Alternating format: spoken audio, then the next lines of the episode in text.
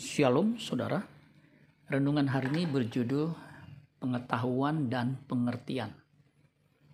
Yeremia pasal 3 ayat 15 Aku akan mengangkat bagimu gembala-gembala yang sesuai dengan hatiku.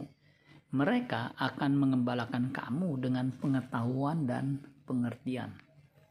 Pemimpin gereja atau gembala jemaat atau adalah suatu jabatan yang mulia 1 Timotius 3 ayat 1. Benarlah perkataan ini.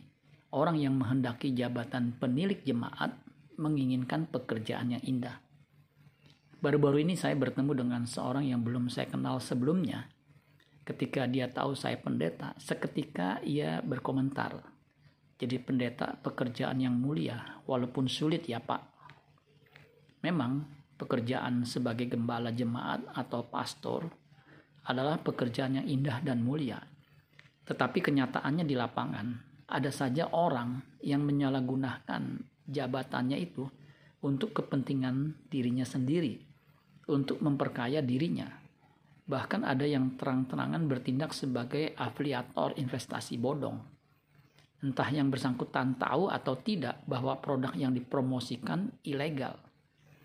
Yang pasti pemberitaan firman Tuhan yang disampaikannya mengatakan bahwa orang Kristen ditentukan untuk menjadi kaya, Sampai-sampai sang pastor memplesetkan ayat firman Tuhan, jadikanlah semua bangsa sultanku.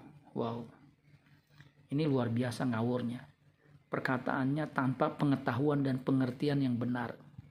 Itulah sebabnya seorang gembala harus dengan rendah hati belajar kepada sang guru agung, Kristus, agar memiliki pengetahuan dan pengertian yang benar, sehingga tidak sesat dan menyesatkan orang lain. Amin buat firman Tuhan. Tuhan Yesus memberkati.